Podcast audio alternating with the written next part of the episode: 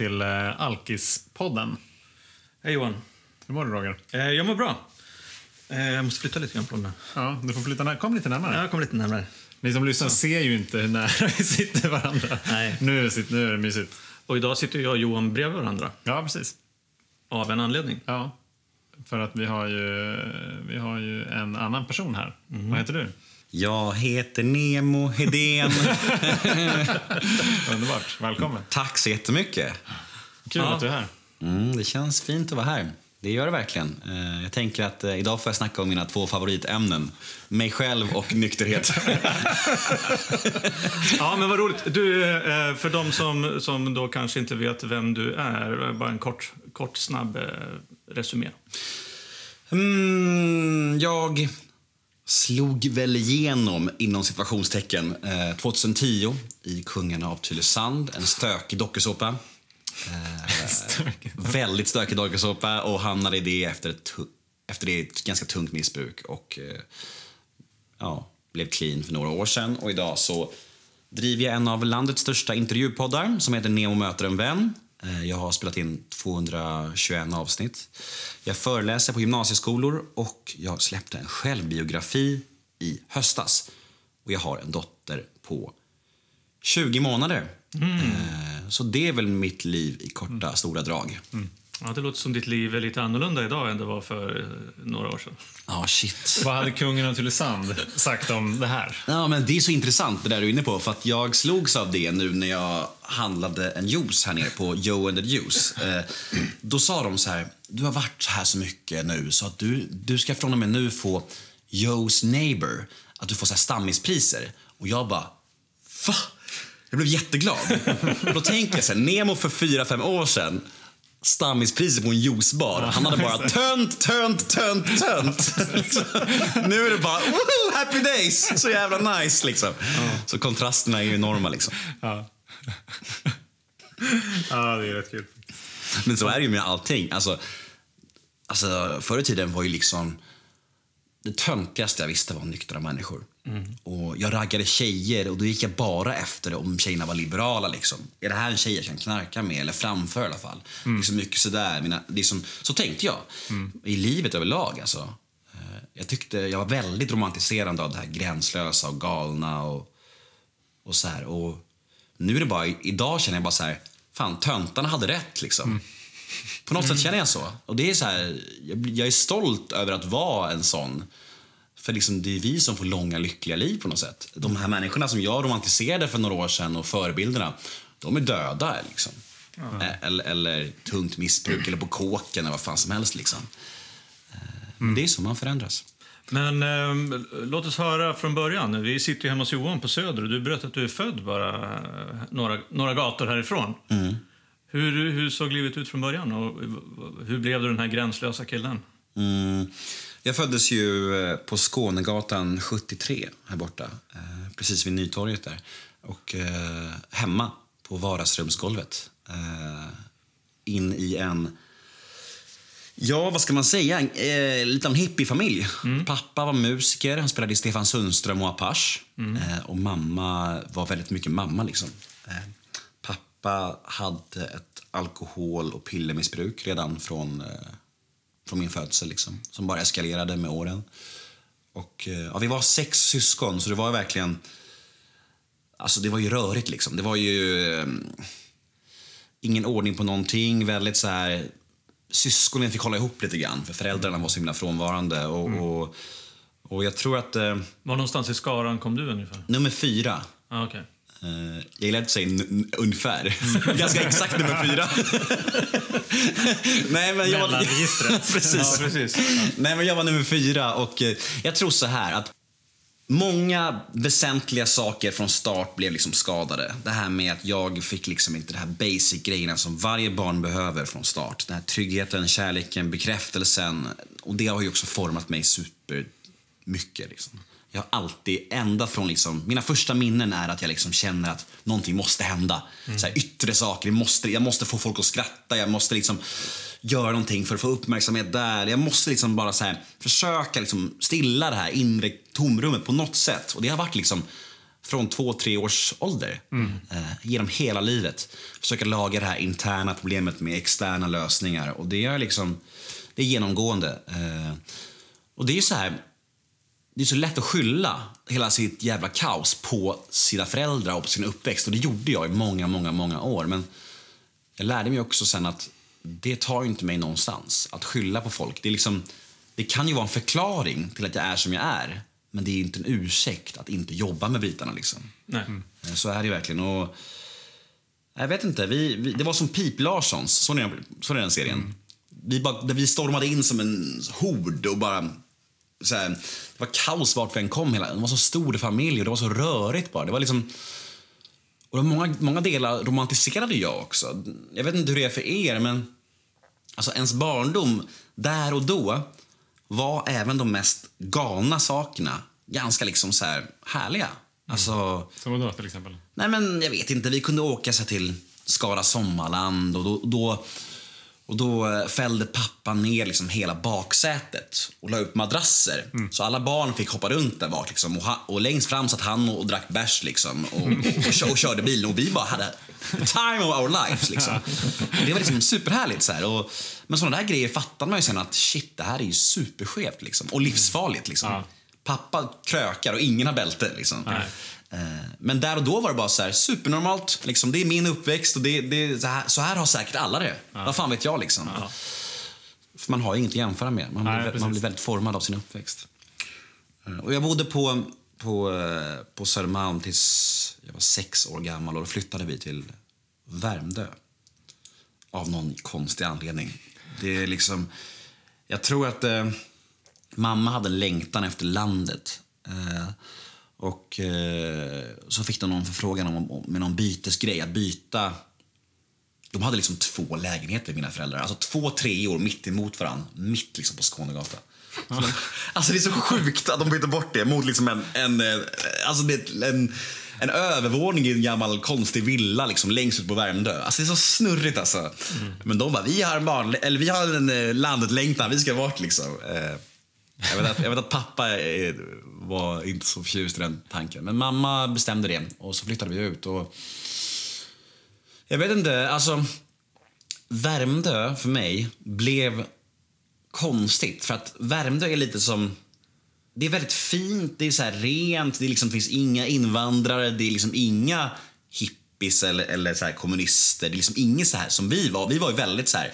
Vi var ju väldigt så färgglada kläder och liksom trasiga kläder och bara liksom så här, kon, allt var väldigt så snurrigt och, och, och färgglatt och liksom lite så tillsammans. Lite så.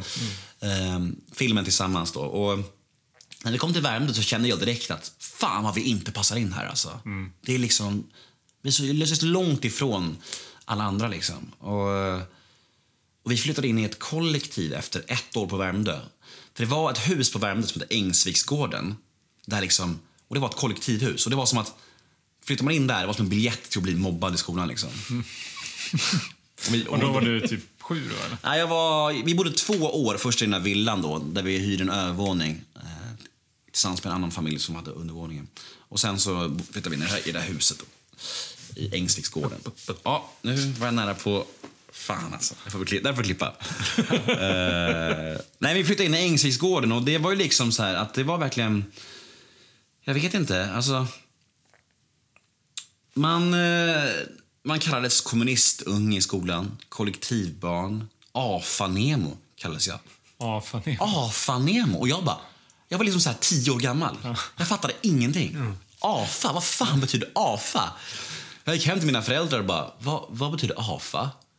De bara, äh, det är inget att bry dig om. Så här, jag bara, okej. Och det är väl liksom, men folk var liksom elaka mot mig. Och, och det var så svårt för mig, för jag var ju den här killen som så gärna ville bli omtyckt och så gärna ville bli sedd av folk. Samtidigt som jag liksom höll på att bli Alltså jag blev ju ökänd. För jag kom från den här familjen som bara blev någonting. Så att jag borde ju inte ha blivit känd för mitt eget bästa.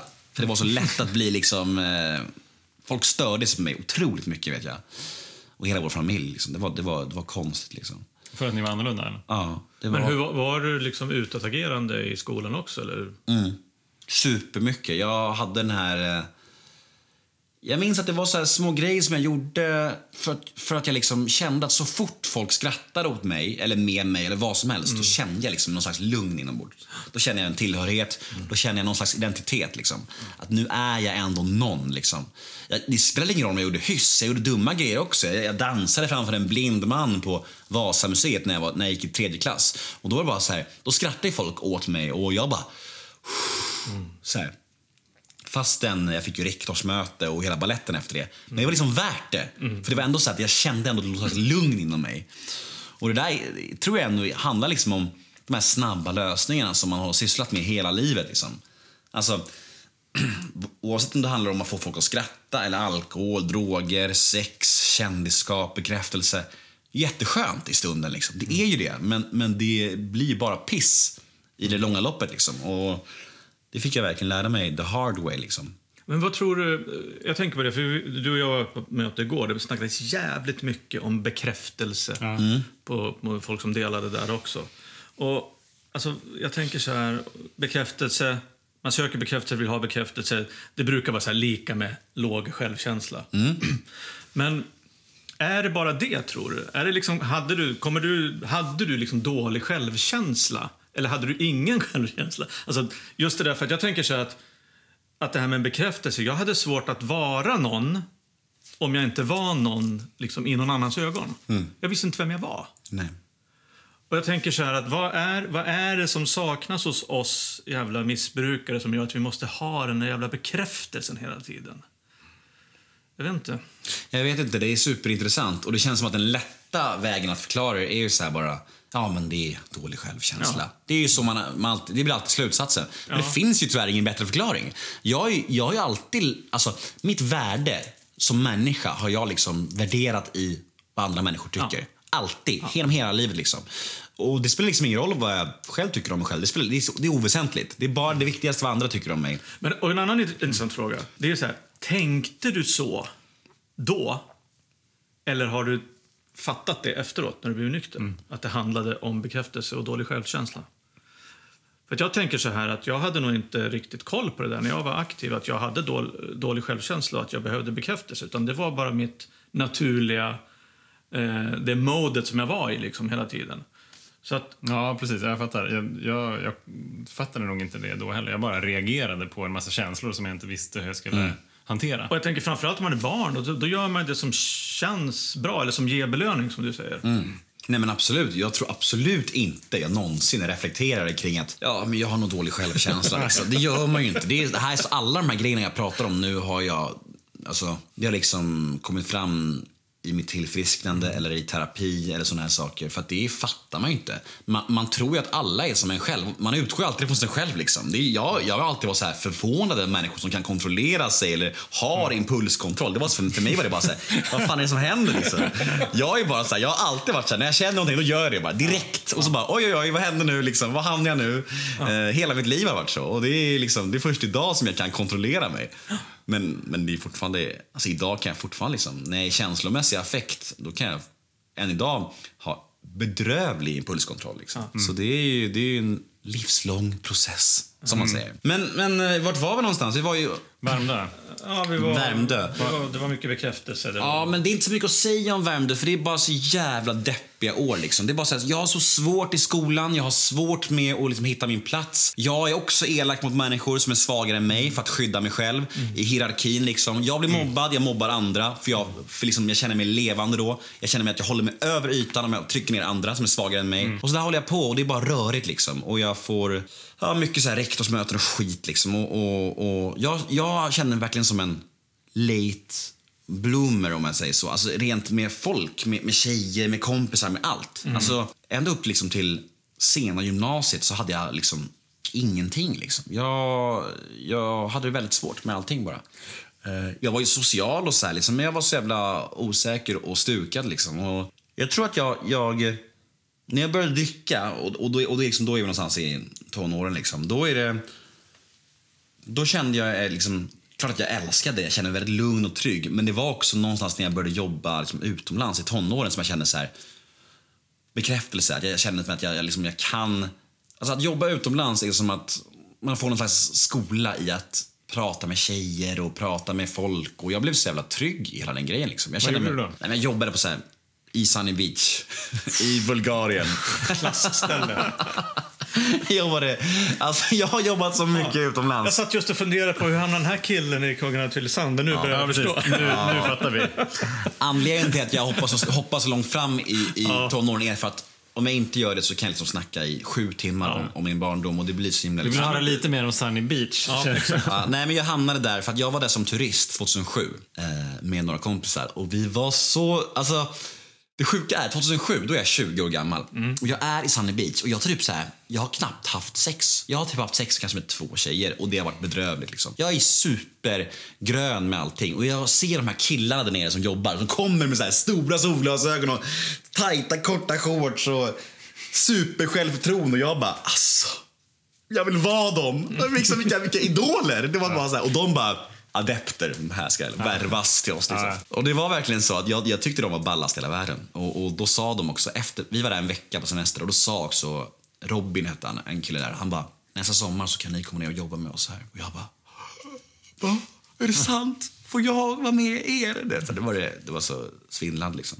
Så jag åkte ner 2008 och jobbade där och det var, jag blev exakt sådär. Jag blev supertrygg med snacket med tjejer och super liksom, jag fattar att man behöver inte se ut som en klassisk skönhet för att få tjejer. Man kan lika gärna snacka liksom. Från och med då har jag haft jättelätt med den biten. Alltså, Och det är jättekonstigt. Ja, raggningsskolan var i Sunny Beach. Det är liksom inte ultimat. Det är väldigt så här, gränslöst och svinigt. Men faktum är att det, det gav mig en, en trygghet med, med tjejer. På riktigt. Och jag har kört många, många, många säsonger utomlands. Alltså det är så jävla deppigt. Jag tror jag har kört sju säsonger på olika ställen. Tre i Sunny Beach, eh, två på Rhodos, en på Magaluf, en i Phuket. Ja.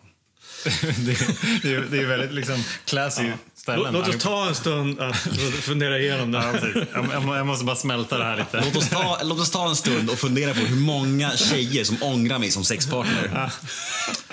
Ja. Fy fan alltså. Jag brukar tänka på det. Jag, jag är nog Sveriges mest ångrade ligg tror jag. Nej, Men på riktigt. Jag tror verkligen det. På riktigt. Jag och Mårten Andersson. Andersson. Ja. Nej men eh, 2010, 2010 så är jag inne på min tredje säsong i Sunny Beach. Fan, det är en bra dragare. Veckans gäst, Sveriges mest ångrade ligg. Ja, verkligen. Där har ni det. Där har ni det. Nej, men 2010 så är jag i Sunny Beach eh, på mitt tredje år. Liksom. Och jag är nere och gör min grej. Liksom, och, och, och, alltså det blir ju så här, när man jobbar utomlands där, det blir som att man anpassar hela livet efter den sommaren. Man kommer hem på hösten stukad, trasig, bara Åh, kan det inte bli vår snart igen så jag kan åka ner? Det blir som en drog i sig. Så hela mitt liv handlar bara om nästa säsong. Liksom. Men när du var där nere i början då, 2008, 9, 10 där, körde du liksom, var det, var det mycket fylla? Var det k- droger också? Det var fylla dygnet runt hela sommaren. Det var liksom från eh, första maj till eh, september så var liksom dygnet runt fylla. Det var inte så mycket droger i början eh, faktiskt.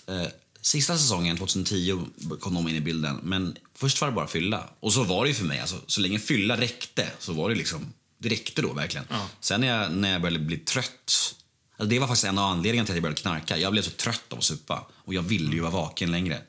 Men då gick jag från att bara... Jag gick från att vara trött och gammal och somna på krogen till att vara vaken i tre dagar istället. Så det var verkligen så här, det är så här, vad föredrar man egentligen? Jag vet inte.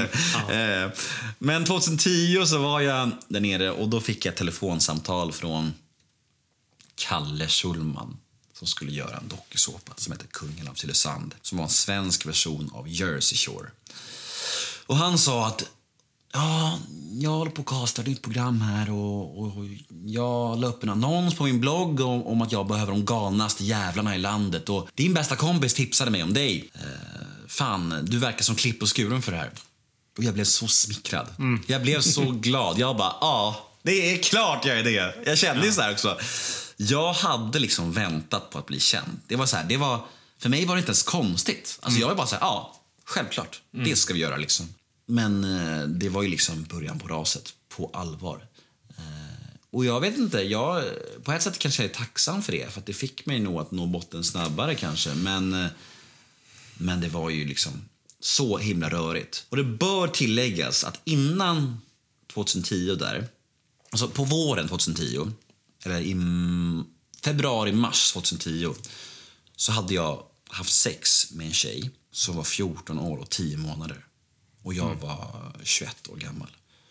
Och det här... Hennes pappa anmälde mig för det. Mot hennes och min vilja. Det var på en fest, vi hamnade i säng och sen så dagen efter så, så, så sa hon bara "Ja, men det här var inte så bra, jag är minderårig och jag vill bara så här och jag vill bara så här, oj jävlar, det var ju inte, all, det var ju dumt liksom.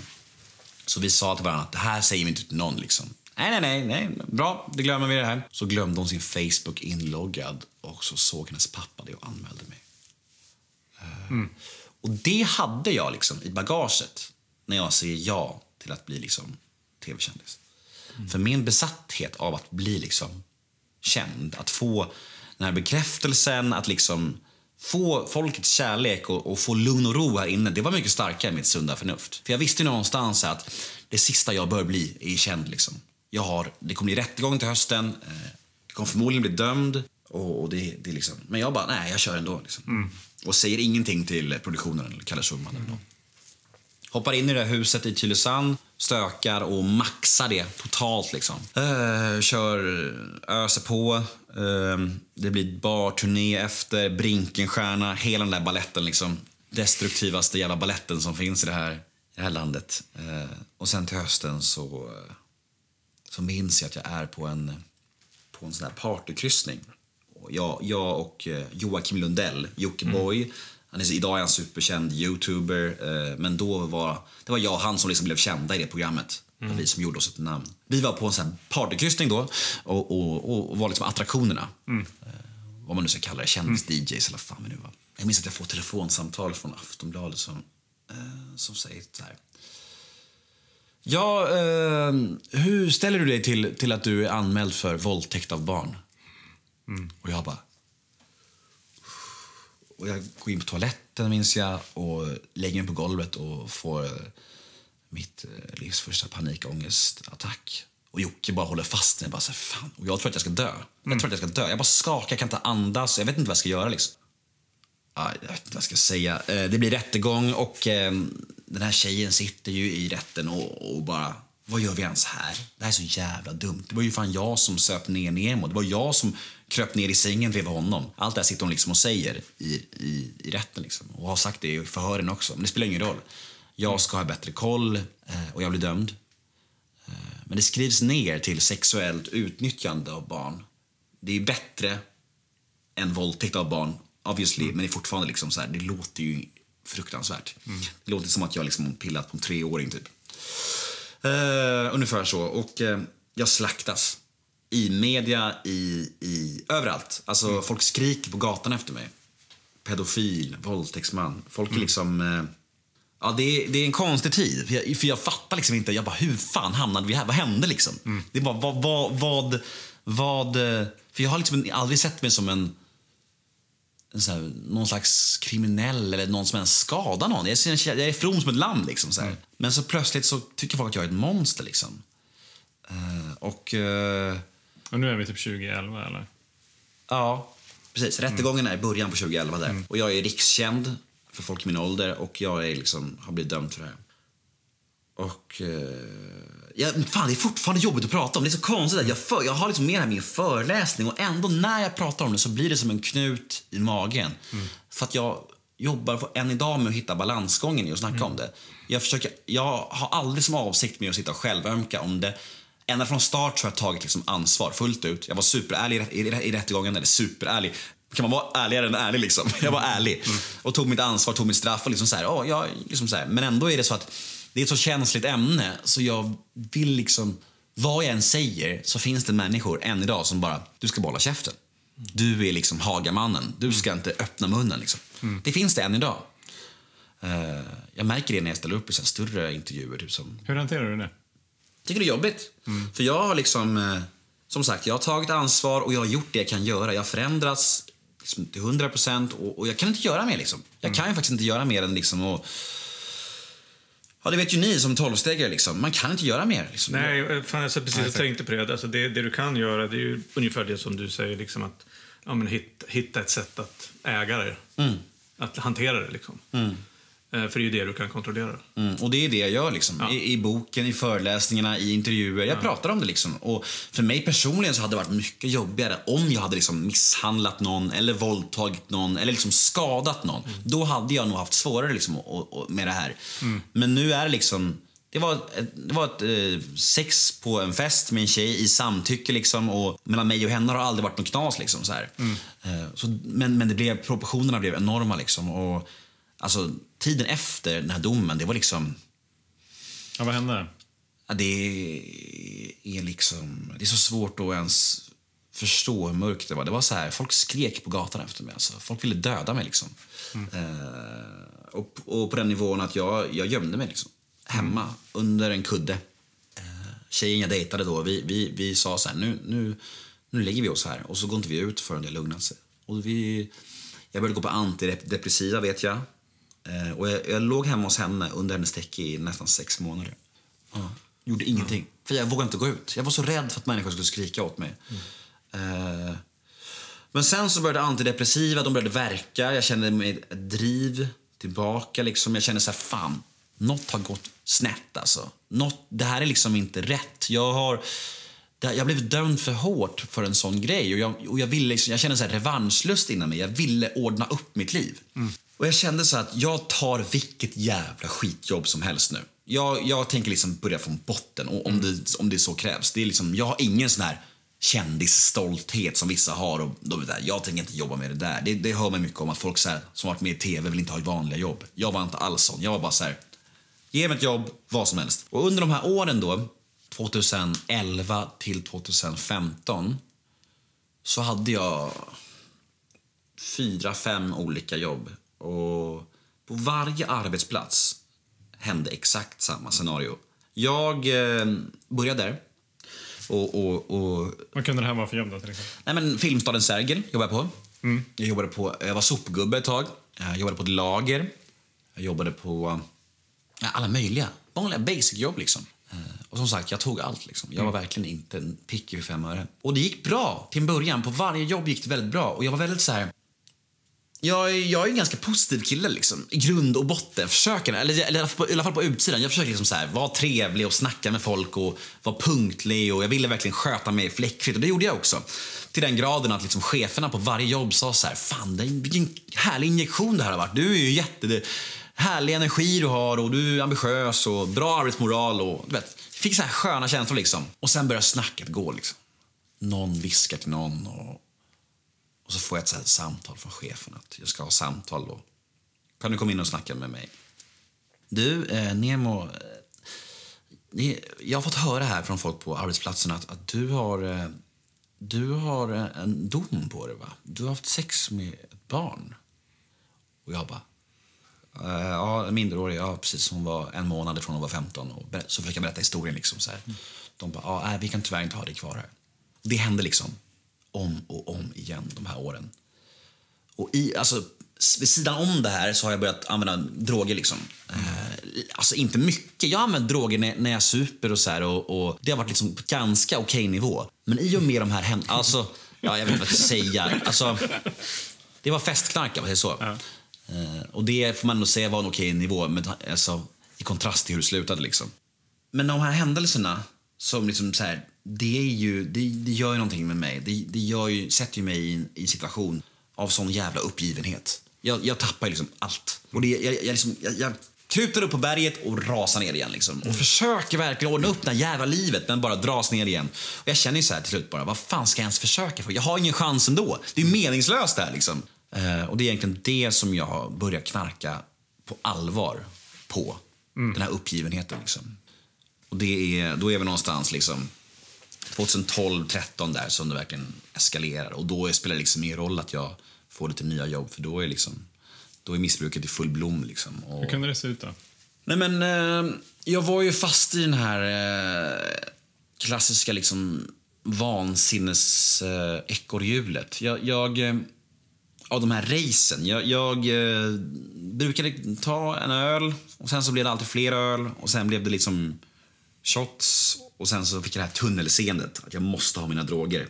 För det var väldigt förknippat. Alltså, drogerna och alkoholen satt ihop för mig. Jag knarkade aldrig nykter. Aldrig. Det fanns inget sug liksom. Det var bara meningslöst tyckte jag.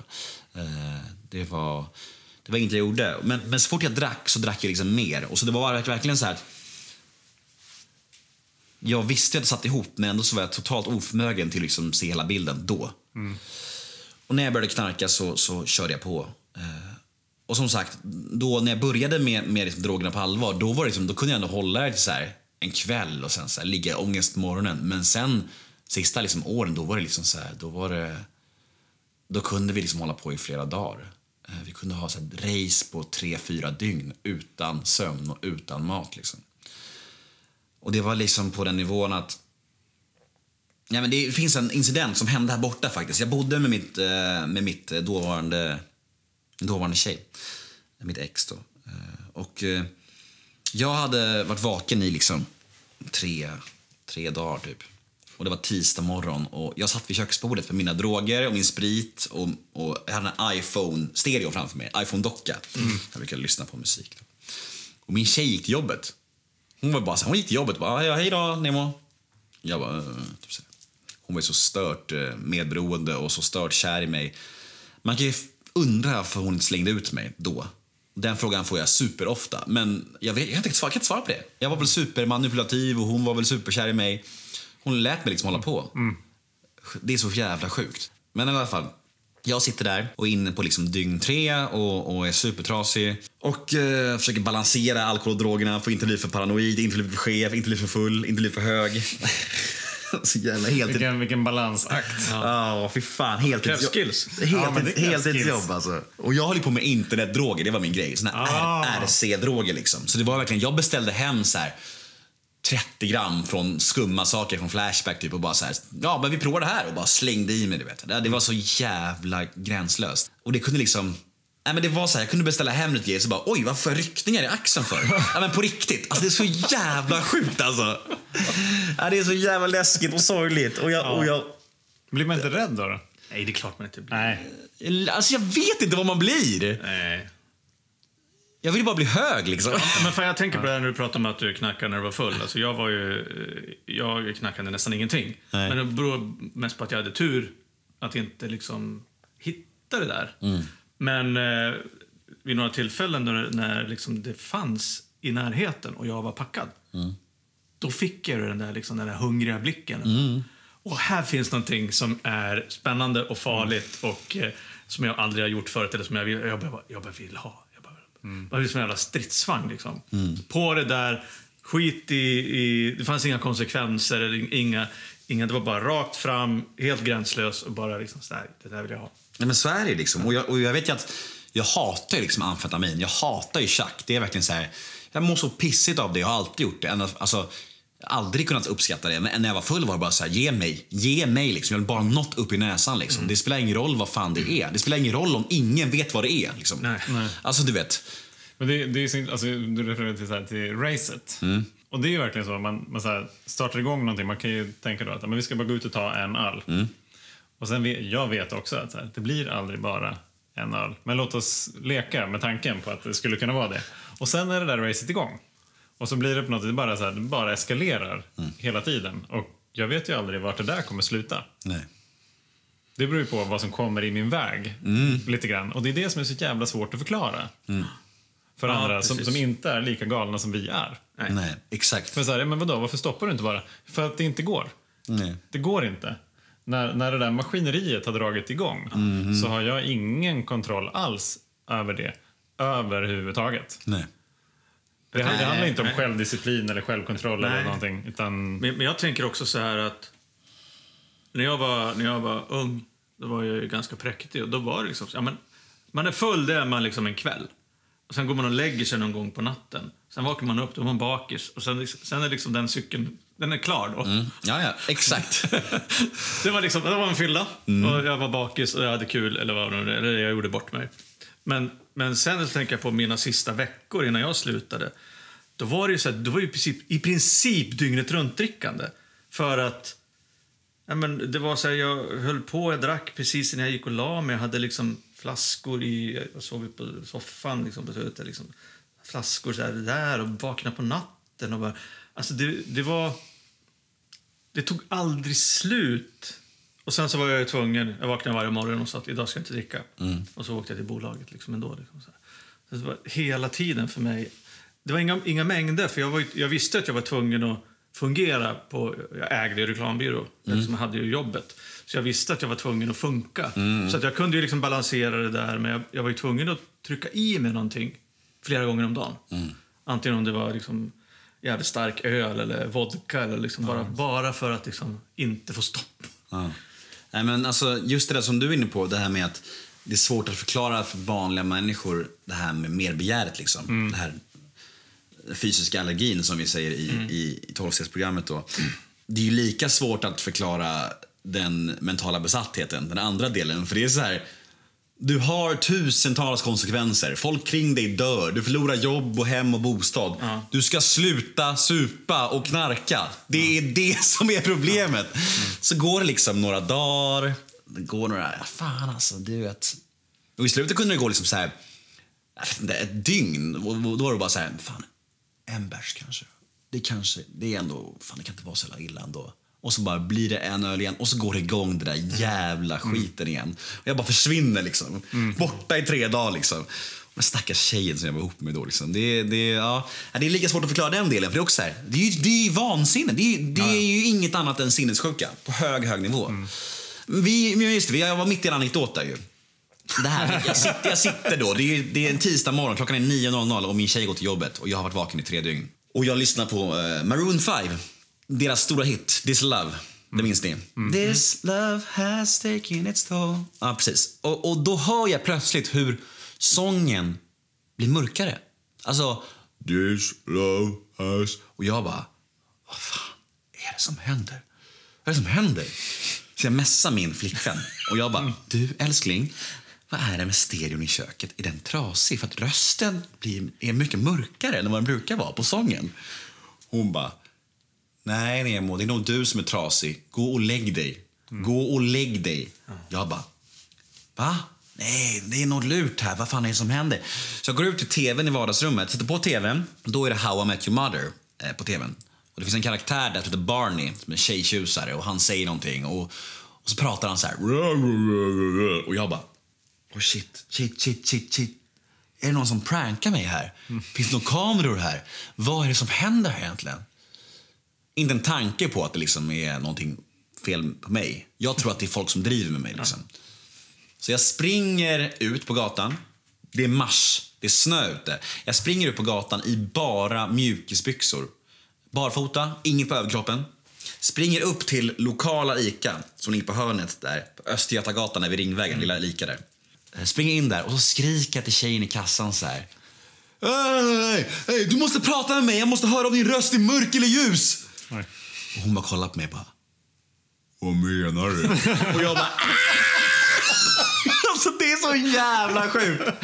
Jag bara springer ut, springer ut, springer hem och hittar en sån här Xanor, en lugnande tablett, benzo. Tar den, so sover i så här 17 timmar eller någonting och när jag vaknar så är det normalt igen. Liksom. Men hade fastnat så där hade jag ju tagit mitt liv. Liksom. Eh, Men jag fattade då att det var en psykos. Det fattade jag inte innan. Fan vad obehagligt. Alltså det var ju det var det obehagligaste jag var med om tror jag. Då kan man tänka här. Nu Ja, borde jag sluta supa och knarka. Jag tänkte så här, det kanske var där han nådde botten. Nej, det nej, kanske nej. inte var det. Nej, det är några månader kvar här. Ja, vad härligt. Eh, det här var mars 2015 och jag hamnade på behandlingshem i augusti. Jag knarkade ett dygn efter den här incidenten med psykosen. Ett dygn senare så fick jag för mig att dricka igen. För jag hade så mycket ångest eh, över allting bara och jag klarade liksom inte av ångesten. Så jag drack och så knarkade jag igen och så körde jag igång ett sånt, race igen. Ett race som slutade med att jag satt naken i trappuppgången med liksom typ knivar med fötterna. Nej, men någon sån helt, också helt sjuk grej. Liksom. här. Men så där var, då var det, då var det liksom, nu var det liksom allvar. Liksom. Nu, nu var det. Så jag började gå på lite möten det, den sommaren minns jag. Eh, jag visste att jag måste göra någonting. Jag visste ju att liksom, nu är det slut. Alltså, jag fattade ju att, att jag var illa ute. Men vänta. När, hur gick det till när du började fatta att det var spriten och drogerna? Eller, eller att det var liksom... Det är så jävla svårt att förklara. Ja, Alltså, jag vet. alltså, det är därför alltså- jag ville gräva i det. Nej, men det, det är den här sommaren där så, så slutar ju varje jävla eh, race på samma sak. Alltså, det är så här psykoser, det är beroendeakuten. Och jag har en familj där, med en pappa som har varit nykter och drogfri i nästan tio år vid det här laget. Och, och liksom, folk ligger på mig. Och, och, jag börjar liksom, och, och för mig är det så här att jag har liksom ingen jag går, börjar gå på möten och så här, men jag har ingen ambition att sluta. Jag vill ha bort konsekvenserna. Jag vill, liksom ha bort, jag, jag vill ha bort folks tjat och jag vill liksom... Alltså så länge jag känner någonting av drogerna så är det värt det. På något, på något sjukt sätt. Det, det är liksom värt att allt bara rasar runt mig. Så länge jag får något slags rus. Liksom. Men sen så börjar ruset också försvinna mer och mer. Och jag, och jag, jag går på lite möten där och alla tjatar om det här med sponsor. Och jag är så här, jag bara nej. Jag går på de här mötena för andras skull. Jag tänker liksom inte, jag, jag är inte klar med min fest. Nej. Och det här, fest. Jag satt liksom ensam dag ut och dag in och knarkade liksom i mjukisbyxor och svettades kemikalier och bara kallade det en fest. Det är också vansinnigt i sjukdomen. Jag bara, ska festen vara slut nu? Vilken jävla fest! Du vet, så jävla snurrigt. Och jag går då på möten här och jag vill inte alls ta en sponsor och jag tycker alla är töntar och idioter och dumma i huvudet och jag är mycket bättre än alla och mycket sämre än alla. Både och på något sätt, du vet. Så är en kvinna på ett möte som säger till mig så här. Du, eh, du verkar ha lite svårt att fastna här hos oss. För hon ser att jag kommer in där typ varje dag och jag kommer nästa dag och bara, ja, ja, ge mig en bricka. Ge mig en vit bricka. Okej. Jag har varit, jag söp, jag knarkade igår. Du vet, så här, bara så här skit. Och bara, bara helt respektlös. Liksom. En, en vit bricka får man om man har... En vit bricka får man när man, när man har varit ute och, och druckit eller knarkat. Liksom. Ja. Och jag, jag får ju såna hela tiden och, och, och vill liksom inte göra jobbet om man säger så. Jag vill inte göra några steg, jag vill liksom inte... Det, det tar emot. Det, det är så, det där, just, och, den där positionen när man är just där, det är ju det värsta möjliga stället. Man vet någonstans att något, något måste hända, men man, man vill inte. Man liksom, man, det kan inte vara det här. För att det enda jag kan är att supa och knarka. Det är hela mitt liv.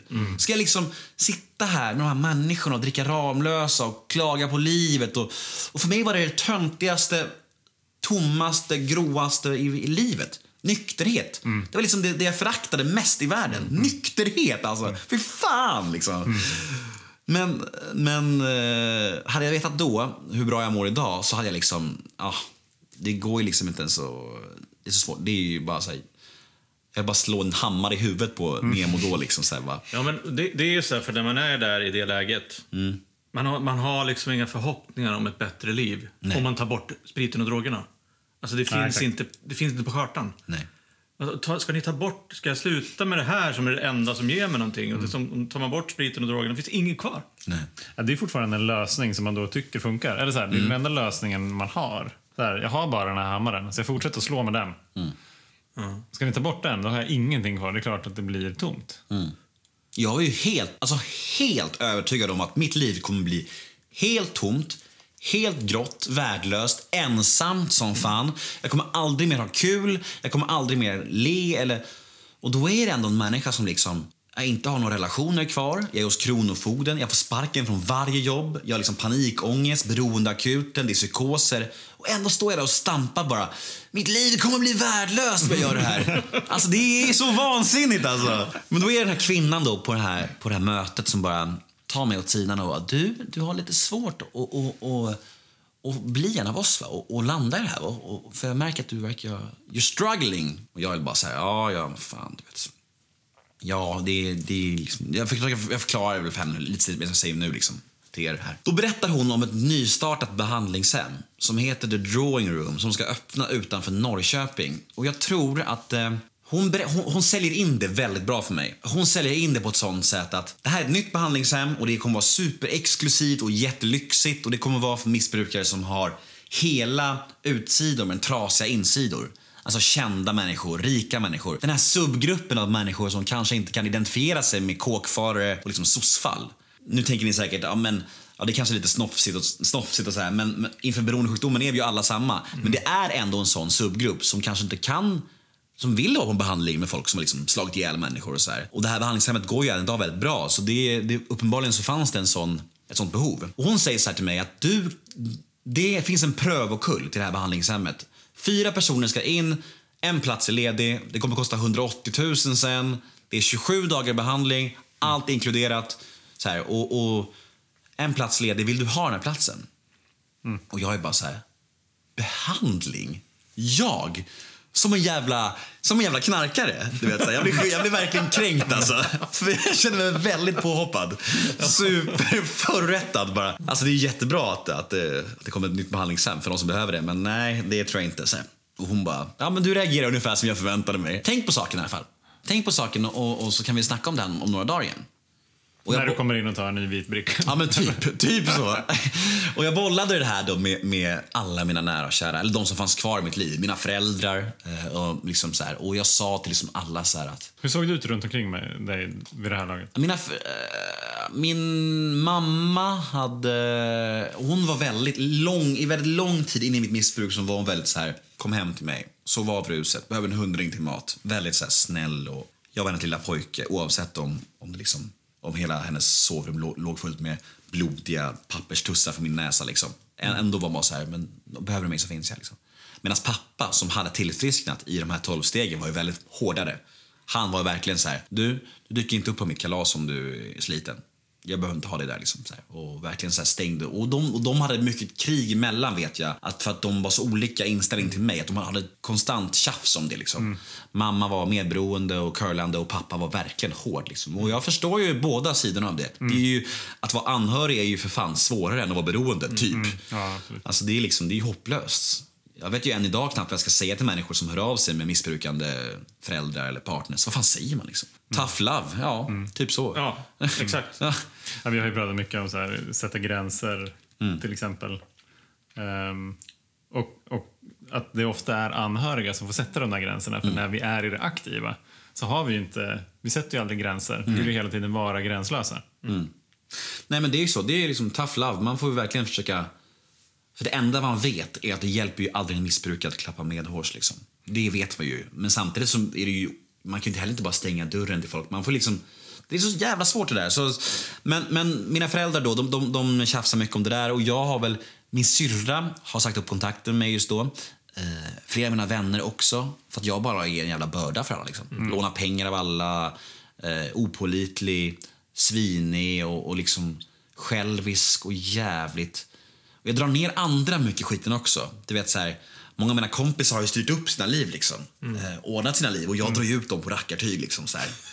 Tvingar ut. Kom, ja, men kom, möt mig på Pitchers eller vad fan som helst. Så bara, så det är lugnt, jag har inga droger med mig ändå. Och så super jag ner dem och tar fram påsen liksom. Alltså du vet, riktigt jävla elak liksom. Och så, och så arga telefonsamtal från deras partners. Bara, du ska inte hänga med min kille, du drar ner dem i skiten. Och jag bara, mm.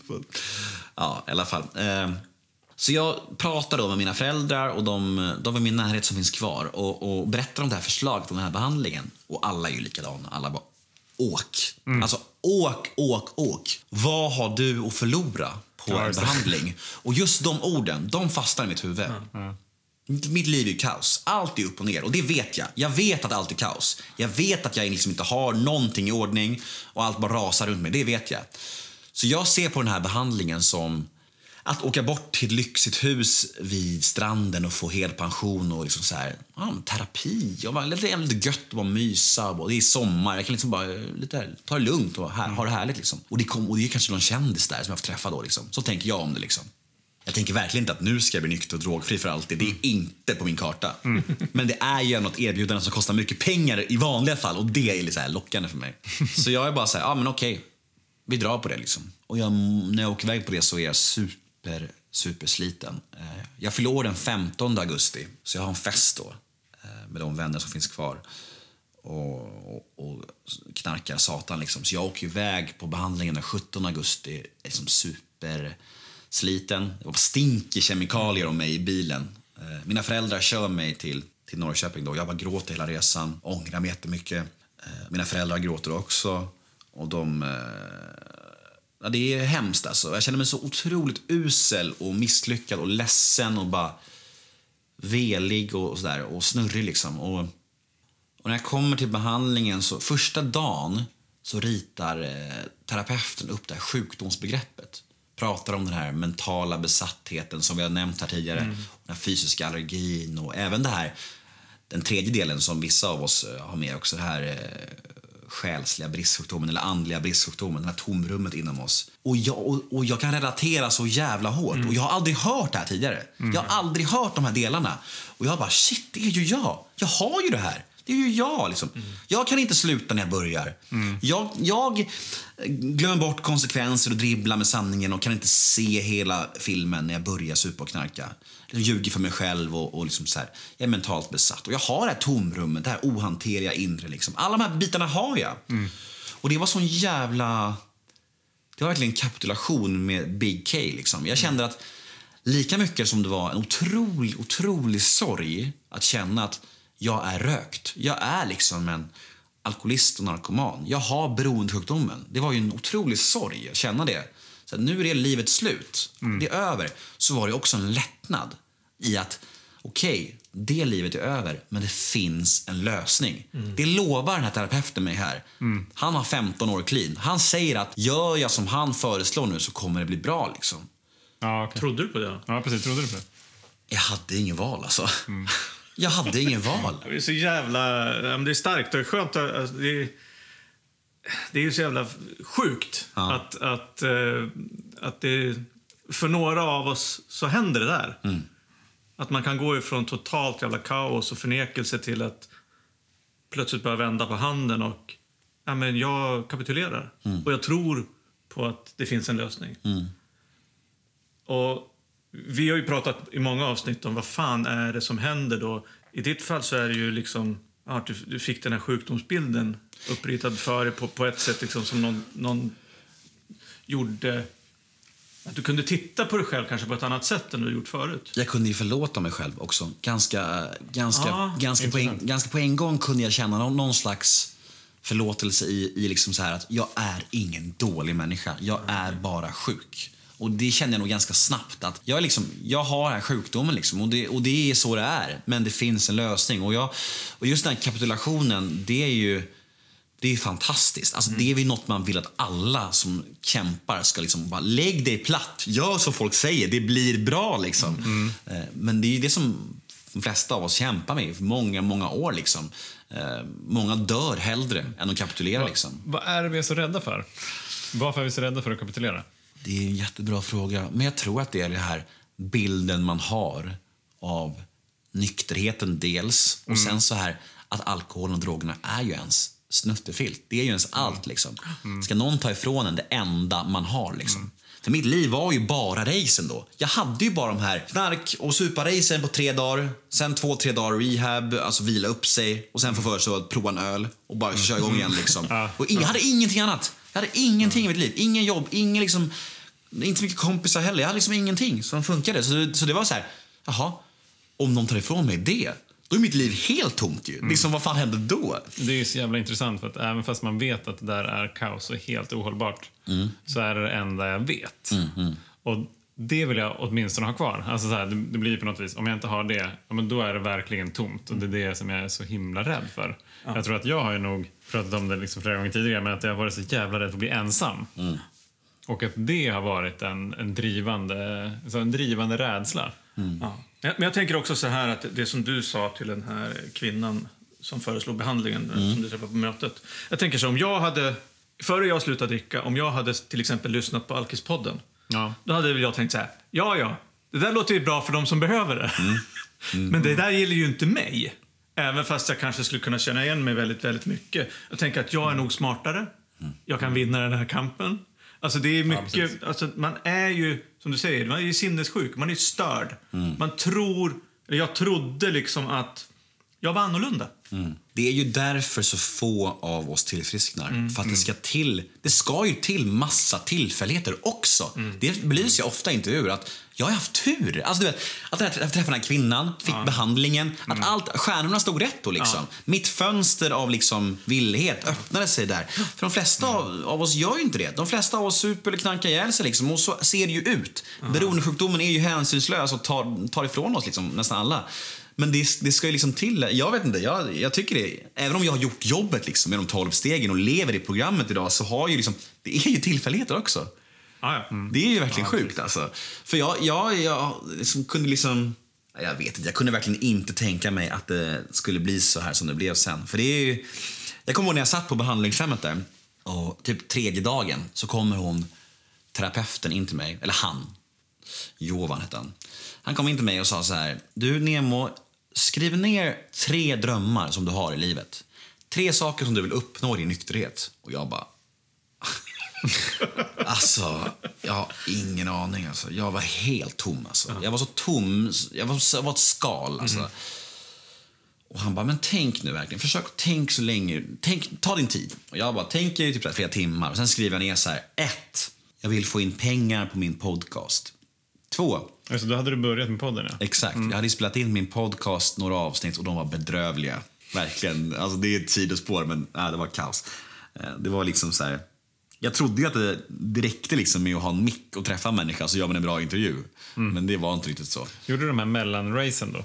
Exakt. Ja. Jag, jag körde ju liksom podden. Jag var aldrig påtänd eller full i podden, men jag var ju otroligt sliten när jag poddade. Alltid liksom. Eh, och det här med följdfrågor och tystnader och det kändes naturligt. Alltså inget av det funkar liksom när man är helt sliten varje. Så det var skit. Men, men eh, jag fick i alla fall den här uppgiften då av min, av min terapeut. Och då skrev jag ner ett, få in pengar på min podcast. Två, få föreläsa för ungdomar om mitt liv. Tre, skriva en självbiografi. Och idag har jag uppnått allt det. Coolt. Ja, det är faktiskt coolt och det är något jag är, är väldigt stolt över. Men det är också så här, vad fan ska jag nu då? Ja, du har pickat. Ja, men precis. Nu går det bara ut för. Nu blir det återfall. Ja, nej, det blir inte. Du får Men, skaffa nya drömmar. ja, men verkligen. För fan, det är ju... Det finns många saker kvar att uppleva såklart. Och det, tror- det känner jag också med nykterheten. Att man, det, vet, det kan säkert ni rela- relatera till. Det här med att man når ju nya nivåer av så här, liksom, andlighet och liksom programmet när man sponsrar andra. Det är, så här, det, det är nya nivåer hela tiden. Man tänker så här, nu har någon nått en topp i livet. Så här. Men det blir oftast bara bättre liksom. Så länge vi gör det vi ska på något sätt. Hur, jag, tänkte, hur var det att sätta de där målen när du var där på behandlingen? Det var skitsvårt. Det var ju omöjligt att få fram någonting för att jag kände att jag, jag kände ju på riktigt att livet var slut. Alltså jag hade ju ingen ambition, jag hade ju ingen mål eller någonting. Det var tomt alltså. Men det var verkligen så här, över flera timmars funderande så fick jag fram det där för att det var liksom det enda jag kunde tänka på. Att, eh, att om det ska vara slut så kan jag väl i alla fall försöka liksom Nej, jag vet inte. Det är ju typ det finaste med nykterheten, att man får liksom mm. använda sin historia. Framförallt det med tanke på min dom och det här att jag har ju liksom konstant, konstant, hela, alla de här åren bara skuffat saker under mattan. Liksom. Mm. Hoppas inte det här kommer fram nu. Vart jag än kom och så här. Men idag får jag liksom bara så här, här är jag, det här är min historia. Och om ni kan hjälpa och inspirera, inspirera någon är det jättebra. Liksom. Mm. Eh, och det är så skönt, jävla befriande. Liksom. För det har varit så mycket så här, försöka eh, smussla och dölja saker. Liksom. Och, jag, och jag minns det så tydligt att efter behandlingen, det var ju 27 dagar i behandling, så gick jag in på mötena igen. Och det var liksom så här, jag tänkte först så här, men fan vad, fan vad härliga alla är nu. Att de hade förändrats? Ja, jag bara shit vad bra saker alla säger. Du vet. Jävlar vilka kloka människor. Det där vill jag ha och han vill jag hänga med. Så där. Men det var bara samma, samma alkisar och samma knarkare Ja. som var kvar. Ja. Mådde fortfarande svinbra liksom och satt där och pratade om lösningen. Liksom. Men det var ju min inställning till det som hade förändrats. Och det är ju det tycker jag nästan är det, häftigaste än idag när jag går på möten. Att se folk, liksom, den här förändringen hos människor. Att de har liksom fått det. Att de har bara så här, nej det är coolt som fan. För det är, där, där fick jag liksom, när jag kom in bara så här, ja men vad fan. Nu är jag snarare imponerad av de här. Nu är de inte nyktra, tråkiga, torra, sopiga människor. Nu är de så här förebilder liksom. Eh, Och jag vill göra exakt det som krävs. Jag, vill göra exakt som alla säger. Jag vill lägga ner exakt så mycket kraft och tid på det här som jag har lagt på min jävla, mitt jävla kaosliv. Liksom. Jag ska göra det som krävs. Liksom, whatever it takes. Om min sponsor säger ät hundbajs så gör jag det. För jag tänker inte riskera någonting. Eh, ingen, alltså verkligen så här. Minimera riskerna. Och jag tror att det var mina ledord första tiden i, i nykterheten. Det var ju, för det var ju svintufft. Det är ju tufft, det går liksom inte att säga någonting om. Nej, men hur, hur var det för dig eh, då efter behandlingen? Just det där att eh, den här förvandlingen från att liksom tänka jag kan själv eller jag vet allt till att just det som du säger nu, nu ska jag bara minimera riskerna genom bara göra som andra människor säger. När fick du den liksom eh, uppenbarelsen? Nej, men jag tror att alltså, i och med kapitulationen på behandlingshemmet så fick jag nog ganska snabbt känslan av att nu är det någonting eh, fundamentalt som förändras i mig. Att jag måste liksom, nu måste jag lägga min, min liksom mapp, eller mina tankar, eller mitt, mitt kompass åt sidan, för det har inte funkat. Min väg har inte funkat och nu ska jag prova andras väg. Och nu lyssnar jag på andra istället och gör det som de säger, hur tokigt den låter. För det jag visste var att folk satt mötena och hade funnit någonting som jag inte hade funnit. Liksom. Det var ganska enkelt, det kunde jag se. Och jag kunde också se att folk som hade värre liv än mig Alltså sprutnarkomaner, hårsare, hade också ordnat upp sina liv. Liksom. Så istället för att liksom se hur alla var annorlunda än mig så började jag se hur jag var lik alla. Liksom. Och jag tror det var, det var också viktigt för mig att se, att fokusera på likheterna i människor. Och det vi hade gemensamt var ju alla de här delarna i sjukdomen. Liksom. Och det var, när man börjar fokusera på likheterna, då kan man också känna igen sig och jag tror att det känna igen sig är liksom första steget till att stanna kvar. Mm. Relaterad identifikation liksom. För att så länge man liksom tänker att jag är annorlunda, då är, då är man ju inte där. Ja, Alltså, om vi exkluderar oss, vi är, vi är experter på att exkludera oss. Jag är bättre än de här, jag är sämre än de här, du vet. Eh, Men jag känner nog ganska, det var väldigt, alltså kapitulationen för mig var väldigt intensiv och jag tror att allting förändrades där, i alla fall i mitt huvud liksom. Men med, med det sagt så var det inte enkelt för det. Jag, jag kände mig otroligt ensam i början. Alltså jag undvek ju alla barer, alltså nästan alla kompisar, för jag var livrädd alltså. Jag var livrädd för att gå förbi Dovas. Jag tänkte så här, om jag går förbi här kommer jag sugas in då. Alltså som en så här, Det har ju hänt. Liksom. Ja, ja, ja. Ja, men som en Det är Aladdin, allmänt känt. som Ja, ja, ja. Aladdin-film, anden i flaskan. Du kommer bara så här, sugas in där. Jag, vet, jag trodde så. Är jag så sjuk liksom? Jag visste ju inte. Nej. Jag var ju så kapitulerad, jag var ju så tom, jag var liksom så platt.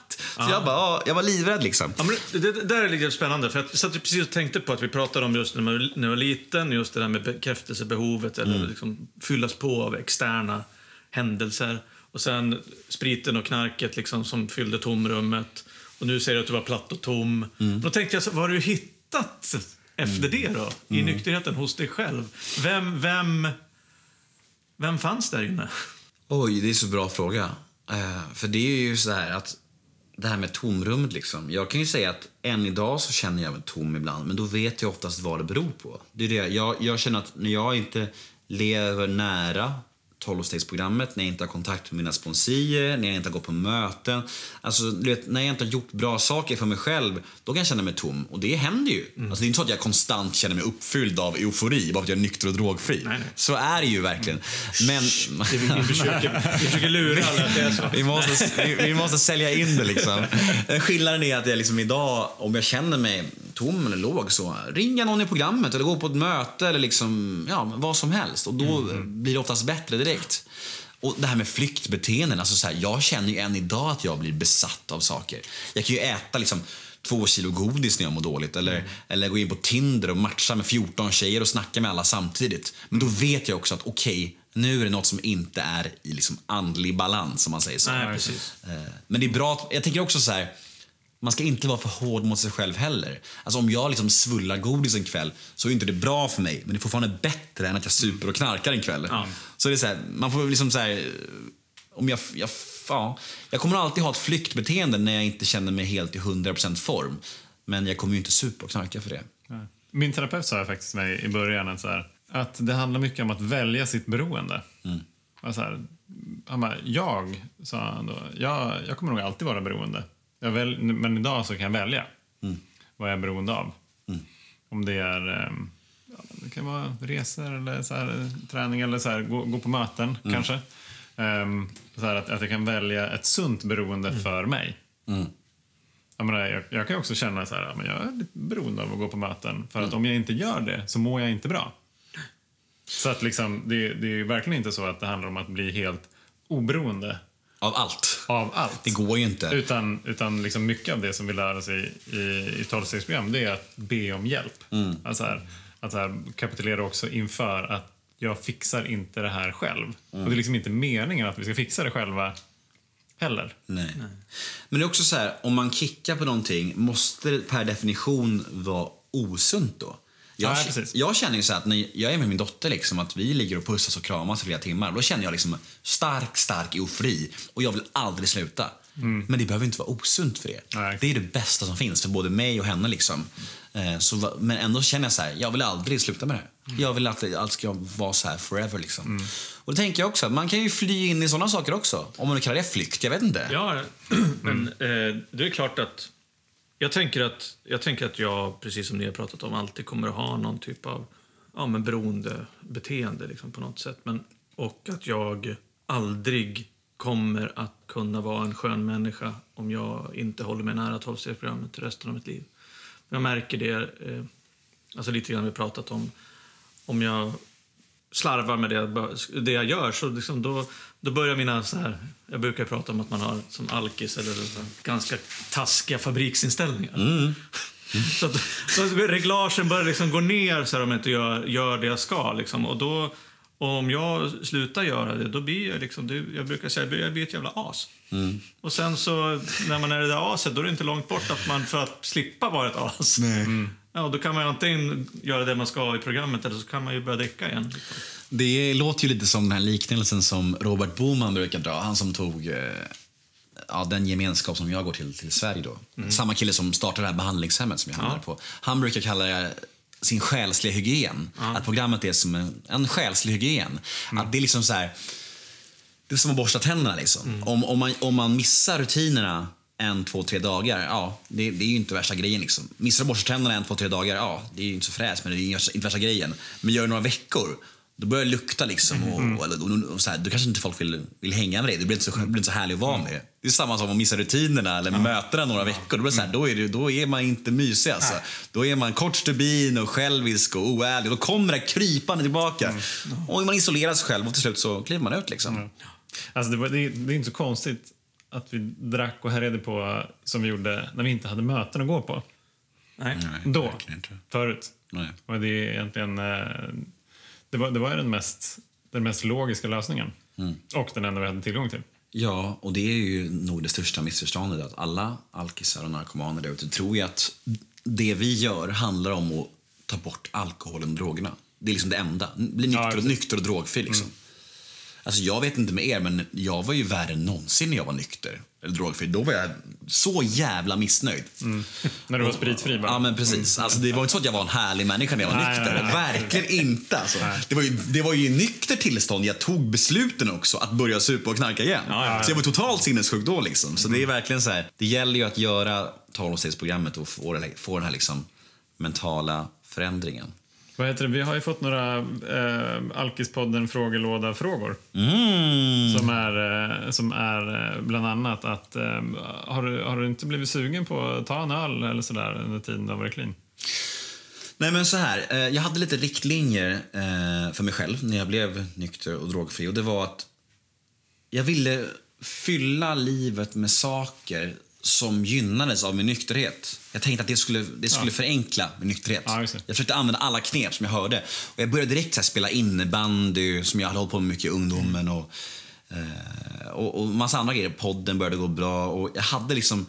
Jag blev pappa ett år in i nykterheten också. Och du Ja, vet, då, då blev det så här mycket grejer som jag visste skulle ta skada av min nykterhet. Eller, eller alltså, det skulle, alltså, hade jag börjat supa och knarka igen skulle liksom det gå ut över det. Ja, det. så jag försökte liksom förminska riskerna. Så nu, nu idag så är jag liksom, jag har ju så mycket att förlora. Alltså, jag har liksom, hela mitt liv är uppbyggt kring min nykterhet. Liksom. Det är ju, och det, jag vill ha det så. Jag tycker att det är skönt. Jag tycker inte alls att det är en press på mig. Jag tycker det är behagligt. Och jag ser inget problem med det. Och, och även om jag liksom...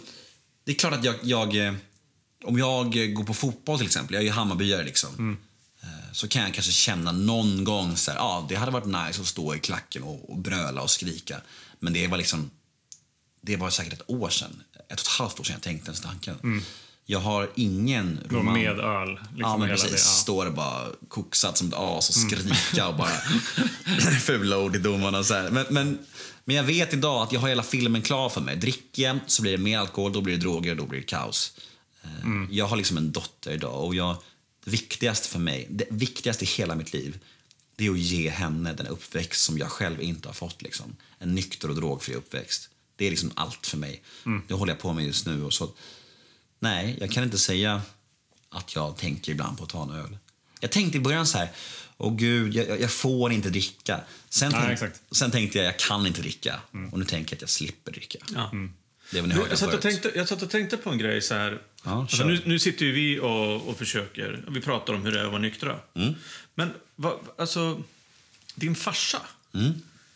hur, han nådde inte fram till dig För han var nykter ganska länge, som jag, om jag minns rätt, innan du blev nykter. Precis. Vi gick ju om varann helt. Det var ju så att när han blev nykter och drogfri, då började liksom jag stöka.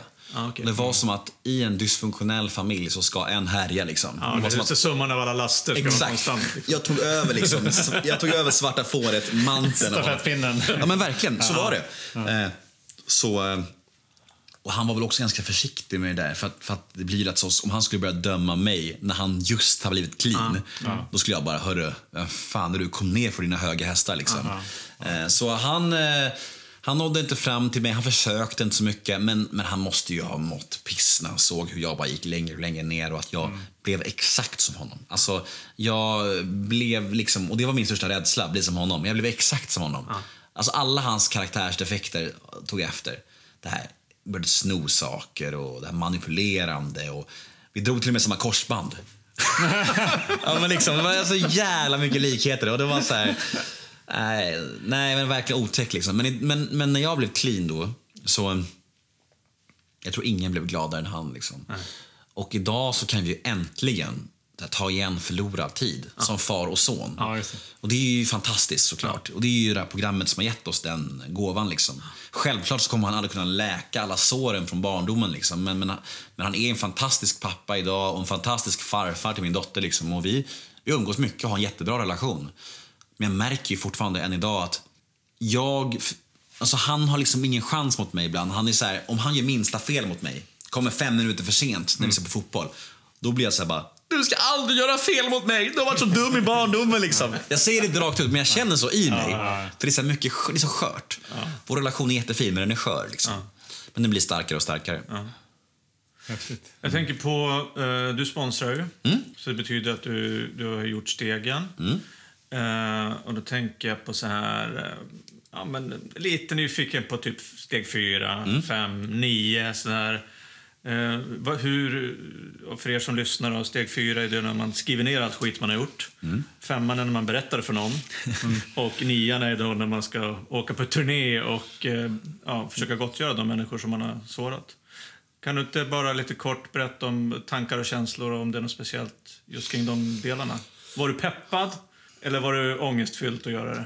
Jag var nog... Eh, nej men lite skräckblandad förtjusning var det nog när jag skulle göra de här listorna i steg fyra. Jag, jag tänkte väl att... Eh, jag var besluten om att göra det grundligt eh, och jag kände...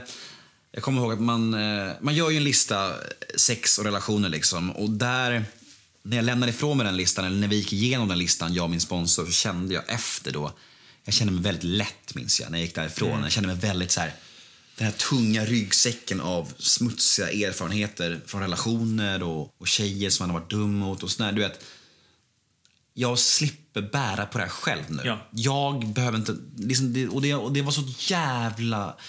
Jag kände mig så lätt då. Det var så otroligt skönt. Och det var som en boost. Bara, nu vill jag bara göra andra ännu mer. Liksom. Jag fick verkligen en, en, ja, en, en bra puff i ryggen där. Och, det var så här, jag fattade. Jag visste ju inte att jag var så styrd av mina rädslor. Jag visste ju inte att jag var harmsen. Liksom, ordet harm, det har vi aldrig ens hört talas om innan. Vad är det för ord ens? Liksom så, här. så jag hade ingen aning om det. Men sen efter de där listorna så var jag bara så här, oh shit alltså, vad fan vad styrd jag är. Och jag, och jag behöver inte vara styrd. Och jag är framförallt inte ensam längre. Liksom i allt det här. Jag är inte ensam. Och det är så skönt alltså. Att det finns någon som jag kan ringa när jag vill. Som liksom också mår bra av att finnas för mig. Ja. Det här ge och ta det här programmet är. Att alla bidrar lika mycket. Det är ju så fantastiskt. Det är så svårt att fatta när man själv är ny. Vadå, hjälper jag dig genom att ringa med mina problem? Va? Ja, precis. Det är jättekonstigt. Men det var verkligen eh, befrielselistorna. Och om vi ska prata om gottgörelser, alltså det var ju så här. Jag hade nog väldigt, väldigt... Eh, jag hade svårt att acceptera människor som inte ville träffa mig. Och, och ta emot mina gottgörelser. Jag hade väldigt svårt. eh, jag ville ju liksom bara gå ut. Jag var så peppad när jag kom till steg nio. Jag ville gå ut och bara visa upp den här nya Nemo för världen. Och bara springa till gamla ex som man varit otrogen mot. Och bara, du vet, så här, nu ska vi ses och jag ska be om ursäkt och visa upp nya mig. Jag har liksom varit clean i två, tre månader liksom, och stökat i 15 år. Liksom.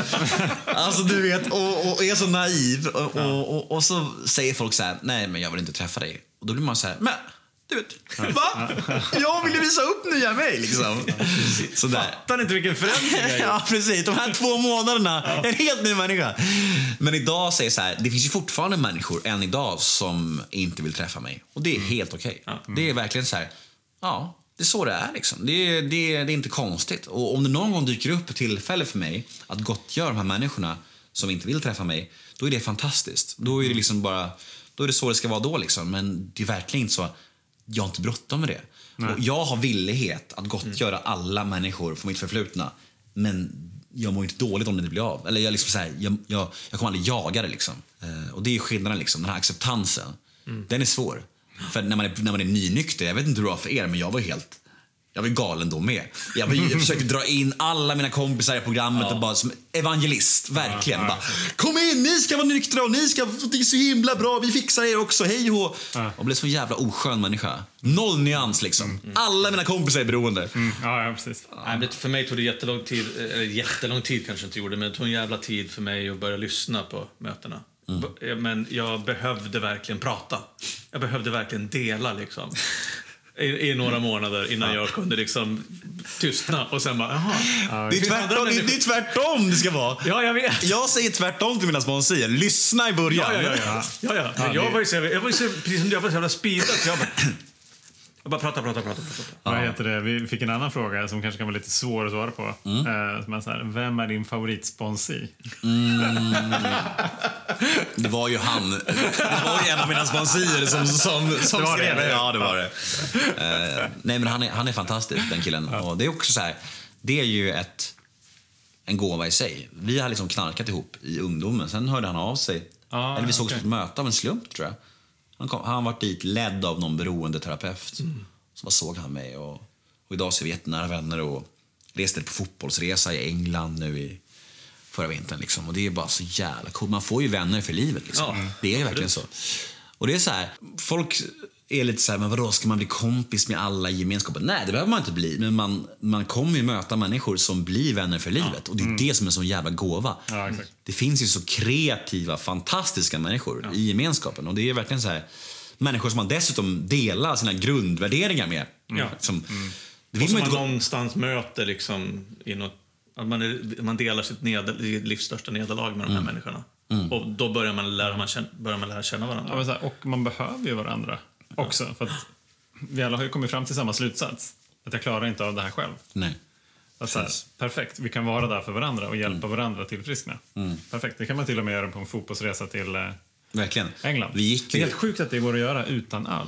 Ja, det var otroligt. Vi stod ju där mitt bland skrikande huliganer och bara så här, "Åh, Tottenham, du vet så här. Ja. Och vi gick på ett, eh, på ett möte då, det var ju också helt magiskt. Alltså. Vi gick på ett möte då i en, en förort då till London där. Åkte pendeltåget ut en timme till ingenstans. Ett hus. Alltså det var så här totalt eh, middle of nowhere. Och så bara gick vi in där och så säger en kille bara Hi guys, I, I don't recognize you, where you from?